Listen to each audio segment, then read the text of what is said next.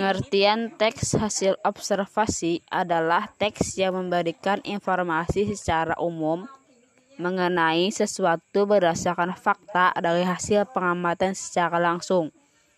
Hasil pengamatan atau yang biasa disebut dengan hasil observasi dilakukan oleh si pengamat dengan terjun langsung ke lapangan untuk mengetahui sebuah informasi.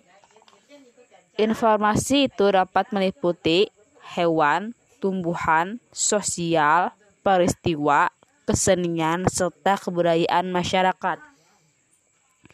Dari hal tersebut, kita dapat mengambil kesimpulan bahwa teks laporan hasil observasi harus jelas dan mudah dipahami oleh sang pembaca.